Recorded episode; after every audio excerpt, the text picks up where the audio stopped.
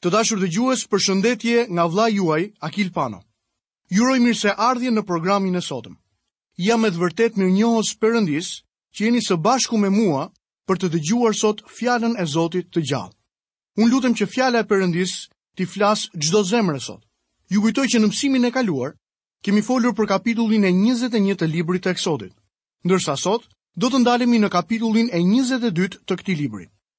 Tema e këtij kapitulli është ligji për vjedhjen, dënimin, shkeljet, marrjen hua, kurvërinë, shtriganinë, çiftëzimin me një kafshë, idhujtarinë dhe ligjin mbi të huajt dhe vejushat. Dua t'ju kujtoj gjithashtu se kapitulli 21 deri në kapitullin e 24 të Eksodit kanë të bëjnë me legjislacionin social, ligjet themelore që Perëndia jep janë formuluar për atë që do ta quanim ndryshe sot shoqëri të civilizuar.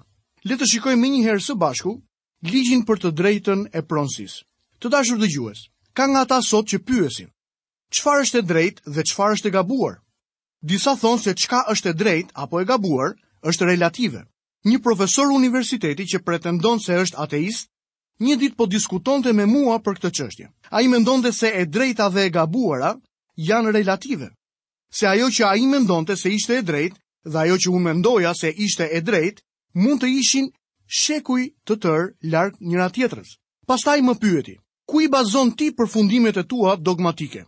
Dhe unë ia ktheva: "Mbi fjalën e Perëndisë." Më pas fillova t'i tregoj se natyra ime ishte si natyra e tij dhe se do të dëshiroja të bëja gjëra të ndryshme, por Perëndia ka vendosur një standard që unë duhet ta ndjek. Gjëja më interesante këtu është se standardi i Perëndisë ka sjellë një shoqëri në të cilën dikur ka patur një masë të ligjit dhe drejtësisë. Ligjet e paraqitura tek libri i Eksodit, nga kapitulli 21 deri në kapitullin e 24, shkojnë drejt e në zemër dhe trajtojnë çështje të jetës së përditshme njerëzore. Kjo pjesë deri diku duket mjaft e mërzitshme, në të lexuar dhe e ngjashme me ndonjë libër të sferës juridike. Megjithatë, shumë prej ligjeve tona janë bazuar mbi këto parime. Jam i kënaqur që fjala e Perëndisë thotë mos vrit. Është një mbrojtje për mua dhe familjen time. Jam gjithashtu i lumtur që Bibla thotë mos vidh. Ky urdhër më mbron atë pak pasuri që kam. Këto dhe të tjera ligje janë baza për të patur rend dhe rregull në një shoqëri në të cilën neve gjendemi. Le ta fillojmë menjëherë leximin tonë në librin e Eksodit, në kapitullin e 22 nga vargu i parë. Në rast se ndokush vjedh një ka a një dele dhe i vret ose i shet, do të kthejë 5 qe për kaun dhe 4 dele për delen. Nuk mund t'ju them pse duhen kthyer 5 qe për një ka dhe 4 dele për një dele. Ndërsa në dhjatën e re shohim që Zakeu i është referuar këtij parimi. Shikoni tek Ungjilli sipas Lukës kapitulli 19 dhe vargu i 8. Aty shkruhet: Por Zakeu u çua dhe i tha Zotit: Zot, unë po u jap të varfërve gjysmën e pasurisë sime dhe po të kem marrë ndonjë gjë nga ndonjëri me mashtrim, do t'ia kthej katërfish. Pse e tha Zakeu këtë gjë? Në këtë rast ai po i referohet ligjit të Moisiut. Ligji ynë sot thotë se nëse dëmton pronën e dikujt tjetër, duhet të paguash për dëmin e shkaktuar. Gjithçka që kërkohet nga shoqëria sot, nëse dëmton ose shkatërron pasurinë e dikujt tjetri, është që ta zëvendësosh artikullin e dëmtuar ose ta paguash në vlerë monetare. Por ligji i Perëndisë për të dëmshpërblyer dëmin katërfish duket shumë i rëndë për njerëzit sot. Por megjithatë, Edhe pse jam njeri, mendoj se në qoftë se ne do të kishim adoptuar ligjin e Perëndisë, njerëzit do të ishin shumë më të kujdesshëm nëse do të duhej të dëmshpërblenin katërfish gjithçka që dëmtonin ose shkatërronin. Natyra njerëzore është gjithmonë po ajo dhe Perëndia është gjithmonë i njëjti. Ai nuk ndryshon dhe gjithmonë e trajton njeriun në mënyrën më të mirë për të. Le të shohim më poshtë vargun e dytë. Në rast se vjedhësi i kapur kur po bën një thyerje rrihet dhe vdes, pronari nuk është fajtor për vrasjen e tij. Ky ligj na jep të drejtën për vetëmbrojtje. Jo shumë kohë më parë, një vjedhës hyri me dhunë në shtëpinë e dikujt dhe pronari e qëlloi me armë. Vjedhësi e çoi në gjyq pronarin dhe i kërkoi disa mijëra dollarë për dëmtimin e shkaktuar. Çështja kaloi në gjyq dhe vjedhësi fitoi gjyqin bazuar mbi faktin se pronari nuk kishte të drejtë ta qëllonte. Sipas vendimit të një gjyqtari të marrë, për të paguar dëmin që i shkaktoi vjedhësit, pronarit iu desh të shiste pronën, ndërkohë që për vjedhësin nuk u dha asnjë lloj ndëshkimi. Në ditët e sotme po theksohet shumë mbrojtja e të drejtave të fajtorëve në kurriz të të drejtave të të pafajshmëve. Dikur ligjet e Perëndisë mbronin pronën dhe shtëpinë e njerëzve. Sipas këtij parimi, ai ishte i shfajësuar për mbrojtjen e pronës, shtëpisë dhe të dashurve të tij. Ligjet e Perëndisë janë parime bazë që i japin shoqërisë ligjin dhe rendin. Nëse njeriu do të kishte ndjekur legjislacionin social të Perëndisë, siç na është paraqitur tek libri i Eksodit, sot nuk do të kishte problemet sociale që hasin përditë nëpër rrugë dhe në qytetet tona të ndryshme. I gjithë sistemi ligjor i themeluar mbi fjalën e Perëndisë është deformuar nga njerëzit që nuk e njohin Biblën, sepse ata janë larguar shumë nga fjala e Perëndisë. Ata nuk janë në gjendje që ta interpretojnë ligjin ashtu siç duhet. Kushtetuta e Shteteve të Bashkuara të Amerikës është shkruar nga njerëz. Jo të gjithë prej tyre kanë qenë të krishterë. Në të vërtetë, Shumë prej tyre ishin deistë, por ata kishin njëfarë respekti për fjalën e Perëndisë. Kohët e fundit dëgjova dikë të thoshte se Thomas Jefferson është tallur me Biblën. Në të vërtetë nuk ka qenë kështu. Citimet nga Jeffersoni tregojnë se ai ka patur respekt të madh për fjalën e Perëndisë dhe pse ai vetë nuk besonte në mrekullitë dhe në të vërtetë nuk e ndiqte Zotin në jetën e tij personale.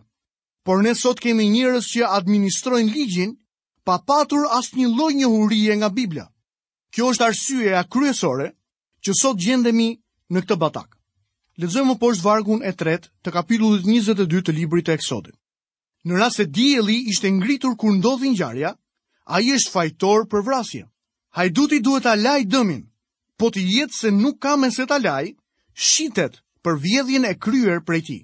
Nëse një njeri vjedh, ai duhet ta lajë dëmin për atë që ka vjedhur, deri edhe të shitet vetë si skllav për të shlyer pagesën.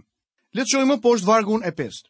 Në rast se ndokush dëmton një arë ose një vresht, duke i lëshuar kafshët e tij të kullosin në arën e një tjetri, do ta lajë dëmin e bërë me atë që ka më të mirë në arën dhe vreshtin e tij.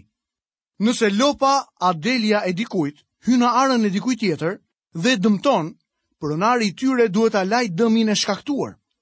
Le të vështrojmë më poshtë vargun e gjashtë. Në rast se një zjarr përhapet dhe shtrihet deri tek ferrat, kështu që digjet gruri në duaj ose gruri në këmbë ose gruri në ara, Ai që ka ndezur zjarrin do të lajë dëmin. Ky është një varg praktik që na tregon rrugën e drejtë për të bërë gjërat. Ky është edhe një parim tjetër themelor për mirëqenien e njerëzimit mbi tokë. Perëndia i dha Izraelit sistemin e Mojsiut, që ata të ishin një shembull për kombet. Shikojmë më poshtë vargun e 16. Në qoftë se dikush mashtron një vajzë ende të pafejuar, dhe bie në shtrat me të, duhet të paguajë për pajën e saj dhe ta marrë për grua. Me fjalë të tjera, nëse një burrë përdhunon një vajzë apo e mashtron atë, ai do të jetë i detyruar të martohet me të. Gjërat janë pa dyshim ndryshe në ditët tona. Lexojmë vargun e 17. Në qoftë se i ati refuzon prerazi t'ia japë, ai do të paguajë shumën e kërkuar për pajën e vajzave të virgjëra. Nëse i ati nuk e pranon këtë martesë, përdhunuesi apo mashtruesi i vajzës së tij, duhet të paguajë ndëshkimin për atë që ai ka bërë. Lexojmë vargun e 18. Nuk do ta lejosh të jetojë shtrigën. Sot shohim një rigjenerim të adhurimit të satanit dhe të së mbinatyrshmes. Kjo prirje është e fuqishme dhe reale. Më në hollësi do ta shohim kur të arrijmë tek Ligji i Përtërirë. Lexojmë vargun e 19. Kush çiftëzohet me një kafshë do të dënohet me vdekje. Marrëdhëniet seksuale me një kafshë tregojnë se sa poshtë mund të shkojë njeriu. Pse duhet të bënte Perëndia një ligj të tillë? Epo për shkak se kjo ishte duke ndodhur. Dhe ne po e shohim një praktikë të tillë të pafjalë të ndodhë edhe në shoqërinë tonë të ashtuquajtur të ndriçuar. Lexojmë më poshtë vargun e 20. Kush i bën flijime një perëndie tjetër përveç Zotit, do të shfaroset.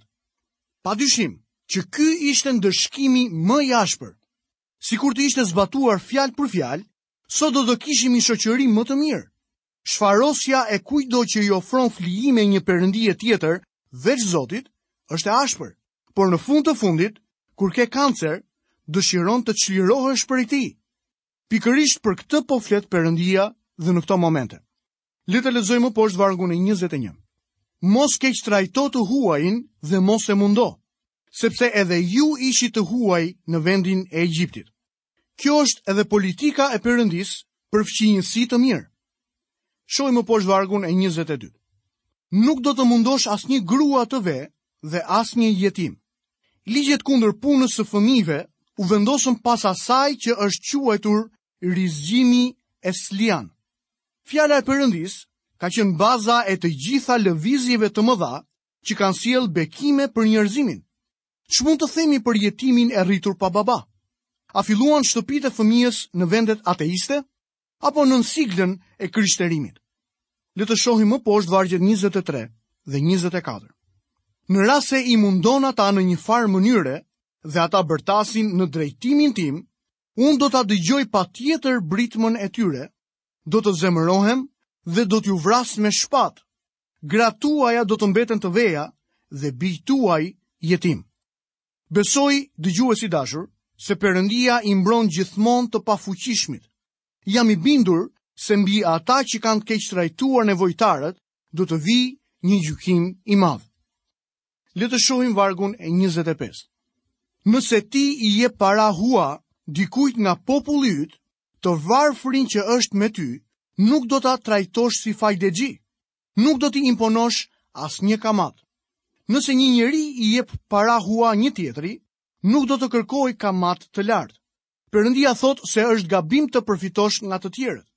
Këto janë disa nga ligjet e Perëndisë që na jepen te kapitulli 22 dhe disa të tjera do të shohim që vijojnë në kapitullin e 23 të librit të Eksodit. Të dashur dëgjues, këtu kemi përfunduar studimin tonë mbi kapitullin e 22 të librit të Eksodit dhe tani menjëherë do të fillojmë studimin e kapitullit të 23 të tij. Tema e këtij kapitulli është vazhdimi i ligjit në lidhje me të drejtat mbi pronën. Lexojmë nga vargu i parë. Nuk do të hapësh asnjë fjalë të rreme dhe nuk do t'i japësh asnjë ndihmë të pabesit për t'u bërë dëshmitar i anshëm. Bëj kujdes për atë që thua. Ky është rregulli i Perëndisë për sjelljen e çdo njeriu. Ai që merret me thashetheme është po aq i keq sa edhe një vrasës, hajdut apo një shkelës kurore në mesin tuaj, e megjithatë, në shoqërinë tonë, një thashethemexhi, ia hedh lehtë. Lexojmë më poshtë vargun e dytë. Nuk do të shkosh pas shumicës për të bërë të keqen, dhe nuk do të dëshmosh në një çështje gjyqësore, duke u radhitur nga ana e shumicës për të prishur drejtësinë.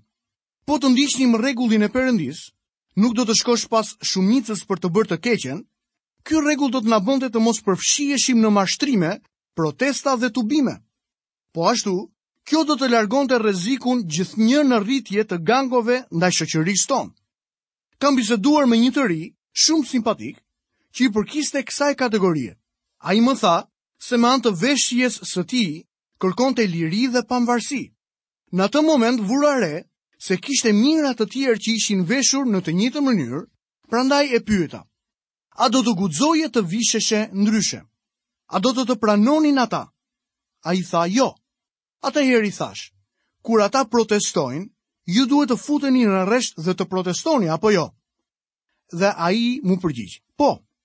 Epo iu përgjigja unë, atëherë ti në të vërtetë nuk ke shumë liri apo jo? Ti bën atë që bën turma. Kur ata protestojnë, edhe ti medoemos duhet të protestosh. Kur ata vishen në një mënyrë të caktuar, edhe ti duhet të vishesh po në të njëjtën mënyrë.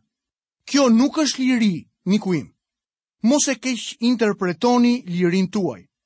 Liri nuk do të thotë të ndjekësh një shumicë njerëzish për të bërë të keqen. Lexojmë poshtë vargun e tretë. nuk do të favorizosh as të varfrin në gjyqin e tij. Gjykimi nuk duhet të anojë as nga i pasuri dhe as nga i varfri. Gjykimi dhe drejtësia duhet të ushtrohen gjithmonë me paanshmëri. Romakët e paraqisnin drejtësinë si një grua të butë, por të verbër gjithashtu. Ajo nuk i respektonte njerëzit dhe në njërën dorë mbante një shpatë dhe në tjetrën një peshore. Shpata do të thoshte se kur jepej gjykimi, dënimi do të zbatohej pa një e pa dy. Ndërsa peshorja do të thoshte se drejtësia duhet të ishte e paanshme. Gjykimi duhet të jetë gjithmonë i paanshëm. Le të shohim më poshtë ligjin në lidhje me tokën dhe sabatin. Edhe një herë Perëndia i jep Izraelit këtë ligj në lidhje me sabatin dhe me vitin sabatik. Lexojmë në vargun 10 dhe 11. Gjashtë vjet me radhë do të mbjellësh tokën tënde dhe do të korrësh frytet e saj. Por vitin e shtatë do ta lësh të pushojë dhe ajo do të mbetet djerr, me qëllim që ta gëzojnë të varfrit e popullit tënd, dhe gjëja e fshatit do të hajë atë që kanë për të lënë ata. Po ashtu, do të veprosh me vreshtin tënd dhe ullinjtë e tu. Perëndia do ta rishikojë këtë ligj kur izraelitët të hyjnë në vendin e caktuar. Tema e ditës së Sabatit, vitit sabatik dhe vitit të jubileut trajtohen më gjerësisht në librin e Levitikut. Shkurtimisht dita e Sabatit ishte dita e 7 e javës dhe ishte ditë pushimi absolut. Viti sabatik ishte pushimi i 7 për tokën nga gjithë kultivimi që ndodhte mbi të. Viti i Jubileut quhet gjithashtu Viti i Lirisë. Çdo pesëdhjetë vjet, hebrenjtë skllevër fitonin lirinë. Tokat që ishin shitur iu ktheheshin pronarëve të mëparshëm. Është interesante të vëresh sot se njerëzit që pretendojnë se mbajnë Sabatin, por përpiqen të mbajnë vetëm ditën e Sabatit. Ata e harrojnë vitin e Sabatit, sidomos nëse janë fermerë. dhe as që bëhet fjalë që dikush të kujtohet për vitin e jubileut. Le të shohim më poshtë te kapitulli 23 në vargjet 14 deri 17 tre festa kombëtare. Tri herë në vit do të kremtosh një festë. Do të kremtosh festën e të ndormëve. 7 ditë do të hash bukën pa maja, siç të kam urdhëruar. Në kohën e caktuar në muajin e Abibit, Sepse në atë muaj ti dole nga Egjipti dhe askush nuk do të paraqitet para meje duarbosh. Do të kremtosh edhe festën e korrjes, të prodhimit të hershëm të punës sate, të asaj që ke mbjellë në ara, si edhe festën e të vjelave, në fund të vitit, kur do të mbledhësh nga arat frytet e punës sate. Tri herë në vit, tërë meshkujt do të paraqiten para Perëndisë, Zotit. Tre herë në vit, të gjithë meshkujt hebrenj duhej të shfaqeshin përpara Zotit Perëndi në Jeruzalem. Ata duhej të festonin atje tre festa. E para ishte festa e Pashkës, e dyta festa e Pentakostit dhe e treta festa e Tabernakujve. Besoj se ju vjen në mend që festa e Pashkëve ishte që t'i kujtonte Izraelit se si Zoti e ruajti nga plaga e fundit që erdhi mbi Egjipt dhe se si e çliroi nga vendi i skllavërisë, por të gjitha këto do t'i diskutojmë me mjaft detaje para se ata të hyjnë në tokën e premtuar. Të dashur dëgjues, këtu kemi mbërritur dhe në momentet e fundit të programit të sotëm. Ju kujtoj që sot kemi folur mbi kapitullin e 23 të librit të Eksodit. Dhe në këtë kapitull kemi studiuar ligjet e ndryshme që kanë të bëjnë me individët dhe me tokën dhe sabatin. Ju kujtoj që emisionin e ardhshëm do të vazhdojmë të flasim mbi të njëjtin kapitull, pra kapitullin e 23 të librit të Eksodit, Dhe tema e këtij kapitulli do të vazhdojë me premtimet dhe udhëzimet që kanë të bëjnë me pushtimin e tokës nga Izraeli. Më poshtë do të shohim radhën e adhurimit përpara ekzistencës së tabernakullit. Dhe këtë temë do ta studiojmë në kapitullin e 24 të librit të Eksodit. Le t'i lutemi së bashku Perëndisë që fjalën e tij Perëndia ta bekojë dhe ta vajosë në zemrën tuaj. Perëndi i dashur unë të falenderoj ty për fjalën tënde. Të falenderoj Zot që ti sot na je duke mësuar jo vetëm çështje që kanë të bëjnë me ekzistencën tënde, por gjithashtu çështje që kanë të bëjnë me ekzistencën tonë. Çështje që rregullojnë marrëdhëniet tona me ligjin dhe shtetin dhe me të afërmit. O Zot, unë lutem që ti të na japësh hir sot, që të jemi të krishterë, që të jemi me të vërtetë ndjekësit e tu dhe dishepujt e tu jo vetëm me fjalë, jo vetëm me faktin që jemi frekuentues të takimeve të së dielës në kishë.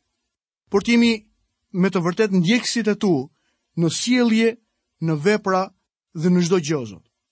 Lutem që bota do të mund të shikojë ty në jetën tonë. Lutem o Zot që çdo individ të mund të shikojë emrin e Jezu Krishtit në të gjitha sjelljet tona, në të gjitha veprimet që ne bëjmë. O Zot na jep hir që këtë fjalë ne vetë mund ta kuptojmë o Zot dhe ta vendosim në praktikë në jetën tonë. Ty ta japim gjithë lavdinë, gjithë adhurimin dhe gjithë pushteti ty të përket. Në emrin e Jezusit unë lutem. Amen. Të dashur dëgjues, nga unë vëllai juaj në Krishtin Akil Pano keni të gjitha bekimet e Perëndisë dhe paqen e tij në jetën tuaj. Bashkë mirë u dëgjofshim në programin e ardhshëm.